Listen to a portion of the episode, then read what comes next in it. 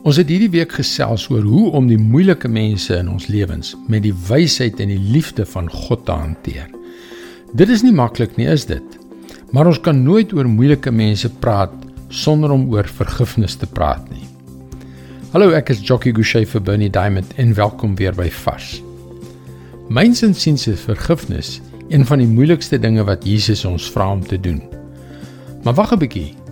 Dit is nie 'n versoek nie, dit is 'n opdrag. Teen die einde van die Onse Vader gebed wat ons sekerlik almal ken, leer hy ons hoe om te bid. Matteus 6 vers 12. En vergeef ons ons sondeskuld soos ons ook ons skuldenaars vergewe het. Dit klink na 'n redelike opdrag. Maar kyk mooi, dit het 'n angel in sy stert. Jesus het geweet hy moet dit baie mooi verduidelik sodat ons dit kan snap net in geval ons dit gemis het. Matteus 6 vers 14 en 15. As julle die mense vergewe wat teen julle oortree, sal julle hemelse Vader julle ook vergewe. Maar as julle weier om die mense te vergewe, sal julle Vader julle ook nie julle oortredings vergewe nie. Dis 'n ernstige opdrag. Hy draai nie doekies om nie. Charles Spurgeon som dit so op: Tensy jy ander vergewe, lees jy elke keer as jy die Onse Vader lees, jou eie teregstellingsbevel.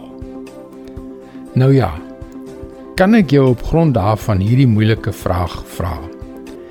Watter onvergewensgesindheid het jy in jou hart?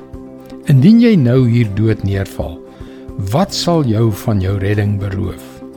Teenoor wie koester jy nog 'n grief? Van wie wil jy nog vergelding eis? Wie se kop wil jy in die valbuil van geregtigheid sit om te vergoed vir wat hulle jou aangedoen het? Vandag is die dag om dit te hanteer. Want jy sien nou, tensy jy ander vergewe, sal God jou nie vergewe nie. Dis sy woord vars vir jou vandag.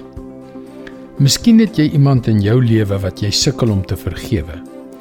Die sleutel om dit te oorkom is om te besef dat hierdie onvergewensgesindheid sonde is waarvoor jy Jesus se vergifnis nodig het.